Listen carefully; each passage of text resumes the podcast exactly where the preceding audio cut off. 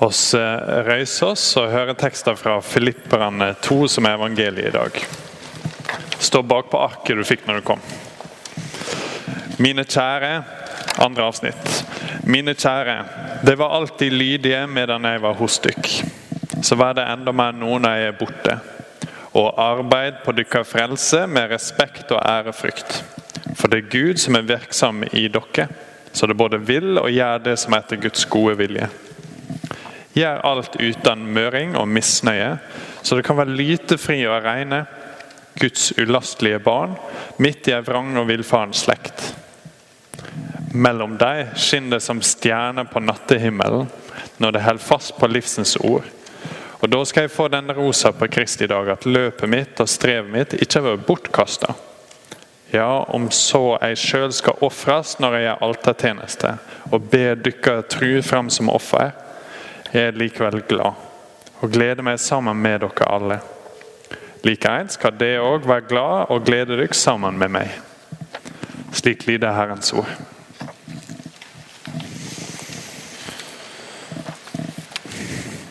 Tekster som Paulus skriver her, står i Filippa-brevet.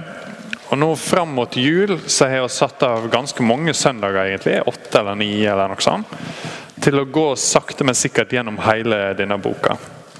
Så Hvis du ikke har vært på en stund, så har du havna midt inn i eh, et prosjekt. Så Derfor har jeg trykt litt av det som kom før også, det som var sist uke. er en tekst som du ser opp der, om Jesus, hvordan han tjener oss for å frelse oss. Og så Nå har vi kommet til denne teksten som vi akkurat las, som er Paulus, som snakker til noen kristne. Noen som allerede kjenner Jesus. De har gått til ham. Han har tatt vekk deres synd. Og så skal de nå leve et nytt liv. Og Det er det han snakker om i denne teksten. her. Hvordan skal det som Jesus har gjort for dem, hvordan skal det gjøre en forskjell i deres liv? Eh, så hvis du er her i dag og tenker på deg sjøl som kristen, så skal vi gå gjennom en tekst nå som er. Hvis du er her i dag og ikke tenker på deg sjøl som kristen, hvis du er litt nysgjerrig eller du er her av en annen grunn, eh, så er dette egentlig en god mulighet til å sitte og overhøre litt hvordan kristne bør tenke. For jeg tror en ganske vanlig grunn til at folk ikke har lyst til å ha noe med kristne å gjøre, eller ikke syns evangeliet om Jesus er så veldig spennende, er fordi de kjenner en eller annen person som utgir seg selv for å være kristen, men som kanskje ikke er så veldig imponerende. Så Måten de lever på, er ikke sånn du, du ser de komme skinnende inn liksom, og tenker 'wow, sånn skulle gjerne jeg også være'. Kanskje det er mer sånn ja, Jeg var på Kiwi i dag og jeg så han, så han presten. Å ja, hvem da? Han er Erlend? Nei, han, han som ser ut som han er tolv år. Han var på Kiwi, og, så gikk han og så sur. Så veldig sliten ut. Han sikkert akkurat spiste sitron eller noe sånt, for han gikk litt rundt og var litt sånn Hva er greia med han egentlig? Hva er det han jobber med? Jeg forstår ikke den greia der. Hvis det er deg eh, så kan jeg informere om at jeg er mer enn tolv år. Jeg er ferdig konfirmert. Ehm, men du skal også få høre litt hvordan vi tenker. For det er ikke sånn at trua og evangeliet er reservert for de som er gode folk. De som alltid har masse energi og går på Kiwi og smiler og er glad og vet akkurat hva det skal handle. Ehm, det er for de som er svake og som kjenner på sitt eget behov for hjelp av Gud til å bli frelst. Hvis du kan frelse deg sjøl, så har du ingen behov for Bibelen eller Gud. Evangeliet sier oss at ingen kan frelse seg sjøl. Jesus må komme og redde oss. Så denne kirka her er en samling med ødelagte folk som har gått til Gud og funnet nåde, og som nå prøver å finne ut hvordan de skal leve. Og Det er det teksten i dag handler om. Så Det var en liten intro for å si at dette ikke er et tekst som bør gi noen dårlig samvittighet. Det er en tekst der vi kan finne ut hvordan vi skal leve. Ok, Så tar vi og ser litt på den. Vers 12. Mine kjære, skriver Paulus, det var alltid lydig medan jeg var hos dykk, så var det enda mer nå når jeg er borte. Og arbeid på dykka frelse med respekt og ærefrykt. Paulus sitter i fengsel, så han kan ikke være med filipperne, som han skriver til. Han er der under falske beskyldninger og er på en måte tatt litt vekk fra dem. Ehm, så Derfor så kan ikke han være der. Men han tenker på at oh, når jeg var med filipperne, så var de alltid lydige. De er så gode, de gjorde det de skulle, og når Gud jobba i dem og sa noe til dem, så gjorde de det. Så sier han dere må ikke slutte med det nå bare fordi jeg er i fengsel. Nå må dere virkelig sette inn støtet på det. Så sier han arbeid på deres frelse med respekt og ærefrykt. Så kan du si aha. Så det er bare tull, det som Luther sier om at å jobbe på sin egen frelse er en dårlig ting. Her sier nå Paulus jobb på deres egen frelse. Og så har jeg brukt det siste året, tror jeg vi kan si, på å se hver søndag at det er umulig å få til sin egen frelse. Jeg har akkurat sagt det til dere nå også. Altså, jeg har det igjen og igjen og igjen i mange tekster, bl.a. sist uke og sikkert uka før der også. At hvis det er sånn at Gud forventer av oss at han skal gjøre 99% og oss skal gjøre det siste prosentet. På en måte komme med den prikken over i-en, sånn at oss kan være sånn som Gud hadde sett for seg. Så er oss uten håp alle. Synder som Bibelen beskriver, er så stor og så grunnleggende eh, at selv det ene prosentet hadde oss på en måte makka til og ødelagt hele greia. Så det er ikke det Paulus snakker om her. Han har gjort det veldig tydelig tidligere. og Hvis du er usikker på det, så kom gjerne og snakk med meg etterpå, for det er veldig viktig. Uten det så kommer vi ikke til å forstå noe av det boka her snakker om. Men hva er det han snakker om da? For Han sier åpenbart at her er det noe som er med frelse å gjøre, og noe som er med arbeid for oss å gjøre. Så han kan ikke mene at det ikke handler om arbeid og ikke handler om frelse. Så hva er det han snakker om? En gang til. Arbeid på dykker frelse med respekt og ærefrykt. Det det er snakk om her, er at når en person har kommet til tru og sang akkurat en sang av en kar som heter John Newton. Før han ble kristen, så var jobben hans å frakte slaver fra Afrika til Amerika. Grusom jobb. Og en forferdelig ting som aldri burde skjedd. ikke sant? Folk ble kidnappa der og frakta til Amerika for å jobbe. Så skjer det masse ting i John Newton sitt liv. Han er faktisk slave sjøl en liten stund og holder på å dø av sult, men slavene gir han mat. Eh, så han får litt mat og overlever. Og så skjer det en del ting. Og En dag så er han på en båt som skal til å synke, og sier ok, jeg må finne en bibel og tro på det som står der. rett og slett. Det er ganske sånn rett på sak. Og så blir han en kristen. Og så går også ut fra at han slutter med jobben sin med en gang. ikke sant? For det er en helt naturlig ting. Senere i livet så skulle han bli en som jobba politisk for at slaveriet skulle bli forbudt. og Han eh, jobba i lag med en kar som heter William Wilberforce, som dere kanskje leste om i historie. Men dessverre så slutta ikke han med jobben sin med en gang. Han trengte å jobbe ut sin frelse.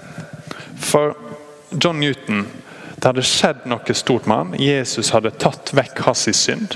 Jesus hadde frelst han og sikra han en plass i evigheten og i himmelen. Men på dagen så er jobben hans på dagen. Det tok noe mer enn en dag. Men når han er på jobb, så er jobben hans å gjøre noe grusomt. Så går det litt tid, så blir han modnere i trua. Arbeider ut sin frelse med respekt og ærefrykt. Og Det er en naturlig ting at han slutter jobben. Men det skjedde ikke med en gang. Det var ikke sånn nå han blir kristen, og da er han ferdig med den jobben. Og går nå rundt og skinner og skriver salmer og sånn. Um, han ble kristen, og så var det en prosess. Det teksten snakker om her, er ikke den bli kristen-biten. For det er noe som skjer, som Jesus gjør, og som oss ikke kan røre. Det hans sitt arbeid. Det Paulus snakker om her, er den prosessen etterpå. Ok, nå når du er kristen, nå når du har denne frelsa filippere Slutt å jobbe på det slaveskipet. Begynn å jobbe politisk for at det som var din jobb, skal bli forbudt. Så det snakkes om her. På, på en måte kan du si hvis du er kunstnerisk anlagt, det er ikke det som jeg har stølet denne illustrasjonen fra hva som heter Charles Spurgeon. Eh, men si at du har en stor eh, blokk med marmor. Da sier de som eh, kjenner til kunstnerne som går og hogger ut ting, at når de ser en stor blokk med marmor, så ser de et kunstverk inni det. De må bare få det fram, liksom. Så da tar de hva det heter meisel og hammer. Ja, dere hører, jeg har ikke peiling. Men de begynner å hogge, ikke sant. Og så står de og jobber. Og så går folk forbi og ser, og er sannsynligvis ikke så veldig imponert. Hvis du skal få et haud oppe, så må du ganske langt inn. ikke sant? Så det er jo ganske masse arbeid som viser lite igjen. Men det er arbeid. En annen ting med sånne statuer er at det virker på meg som de kanskje aldri blir helt ferdige. De står fortsatt og holder på. Kanskje litt til der. Eh, og Kanskje nede så er de ikke helt ferdige. De har ikke en fot, f.eks. Eller så virker det også som om de av og til blir litt overivrige. At de tenker aha, her er en marmorstein, nå skal jeg fikse alt med en gang. Nå er ting begynt å skje. Så hogger de skikkelig, og så detter det av ei hand. eller noe sånt. Så har du en statue som ser litt rar ut. Sånn er det med vårt arbeid for å jobbe ut frelse i vårt eget liv. Og så har fått den, Jesus har sikra den, og han kommer også til å fullføre den en dag. Det har jeg sett på tidligere i Filippa-brevet. Men nå i mellomtida er det en prosess der vi skal hogge. At å se f.eks. Hvis det er sånn for deg at når du er alene, så er du en helt annen person enn når du er i lag med folk. At du gjør ting som du skulle ønske folk ikke visste om, eh, og som du kanskje skammer deg over sjøl. Så kjenner du på samvittigheten din at hm, her er en ting som jeg skal begynne å hogge på. Ikke fordi det er den måten jeg skal få Gud til å bli glad i meg, men fordi Gud er glad i meg og har redda meg, så er det en naturlig ting at jeg begynner å hogge litt på denne. Kanskje det er sinne, eller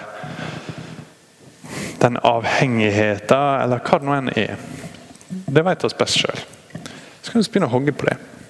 Og håpe at etter hvert så kan det, dette av og bli noe som er sånn som Jesus hadde tenkt at det skal være. Her hogger oss i vei for å prøve å bli lik Jesus. Og det er et arbeid. Du kan tenke på det på en annen måte også. Hvis du tenker på israelsfolket, så har dere alle sett 'Prinsen av Egypt' eller lest historier. De er i Prinsen av Egypt, ja. De er i Egypt, og så setter Gud dem fri så kommer de til et annet land. Så, når de kom til det andre landet, så er Egypt fortsatt i dem. Og i de 40 åra de brukte på å komme dit. Sånn er det også for oss. Jesus har allerede satt oss fri fra synder. Det er ikke sånn at oss skal gå bort og begynne å slåss med farao. på en måte. Jesus har gjort det. Han har satt oss fri, han har tatt oss ut og satt oss inn i en ny reise til et loverland. Men Egypt er fortsatt i oss. Vi jobber fortsatt på slaveskipet på en eller annen måte. Jeg håper ingen av dere gjør det, men vi har våre egne ting som vi kjemper med. Og Når vi får på en måte trykker ned noe her borte, så popper det opp noe nytt her. Så bort og ta det, og da var det noe nytt der. ikke sant? Og Det kommer vi aldri til å bli ferdig med. Bibelen er kjemperealistisk på det. at Vi skal ikke forvente at oss en dag har på en måte fått fikse alt og er skinnende. Det skal komme, men ikke i dette livet. Og Hvis noen kommer til deg og sier at de er perfekte, at ja, den helligheten som Bibelen beskriver, har nå endelig sist torsdag landa fullt i meg. Og jeg er nå fri fra synd og kan, kan gli videre. Da er den alvorlige teologiske anbefalinga som jeg lærte på skolen, er at du, siden du står foran deg når de sier det, skal prøve å trampe deg hardt på foten og se om det stemmer. For da kommer det til å eksplodere. ikke sant? Altså, kan du ha mer frimodighet i evangeliet, og at dette er en gradvis prosess. Ok, Men tilbake til teksten. Hvordan skal vi gjøre dette? Hvordan skal vi jobbe? Så Dere står der med håper det heter meisel, dere får si det til meg etterpå, og hammer. Og på en måte jobbe på deres eget liv. Paulus sier først skal gjøre det med respekt og ærefrykt. Her er Bibelen mildna litt av et ord som man syns er litt skummelt. Det faktiske ordet er ikke ærefrykt, men frykt. For her er det snakk om noe som er så stort at da skjelver litt når vi begynner med det. Igjen, tenk på det. Michelangelo har henta deg inn for å bare fullføre siste hakka på det her David-statuet hans. Så du står der og skal til å hakke, ikke sant? og du vet at hvis dette går galt nå, så dette handler av. Litt den følelsen. Respekt og ærefrykt. Dette er ikke noe som vi bare eh, bare gjør litt på fritida. Dette er noe av vårt viktigste arbeid. Å holde på å luke i vår egen hage og finne ut hvor er det Gud jobber med oss, og jobbe i lag med han der. Og Det er også Paulus sitt neste poeng. Hvis du ser på vers 13, så står det For det er Gud som er verksom i dykk, så det både vil og gjør det som er Guds gode vilje. Det Paulus sier her, er at når du jobber Når du på en måte jobber ut den frelsa som Gud har gitt deg, setter den i verk i livet, så er ikke du alene. Der er en annen, en som er uendelig og evig, som også jobber på det samme. En gang til, For det er Gud som er virksom i dykk, så det både vil og gjør det som er etter Guds gode vilje. Så Han viser deg hvor du bør jobbe, han hjelper deg til å sakte, men sikkert bli mer hellig. En av fordelene med at dette er et prosjekt vi har i lag med Gud, er at han er uendelig tålmodig. Gud ser oss nå allerede i herlighet der framme. Det som for oss ligger langt framme i tid, er allerede en synlig realitet for han. Så han vet at det kommer til å gå bra. Han vet at dere en dag kommer til å skinne som sola og se Kristus og bli lik han hvis dere tror på han. Så Derfor så jobber han veldig tålmodig på tingene våre nå. Masse mer tålmodig enn jeg hadde vært hvis jeg sjøl kunne bestemt. Det er mange ting jeg gjerne skulle Jeg skulle ikke hatt det humøret sånn og sånn. Og, ikke sant? Han er tålmodig. Han kommer aldri til å gi oss opp og aldri til å svikte oss. Og vers 14. Gjør alt uten møring og misnøye.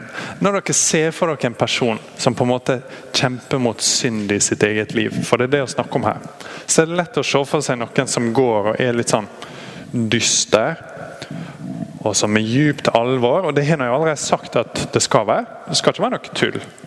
når du står og hakker der, så skal du gjøre det bevisst. og Det skal være noe å gå inn for. Men vi tenker lett at det er noen som er trist. De smiler aldri, de synger aldri. Um, at det er en sånn dyster ting.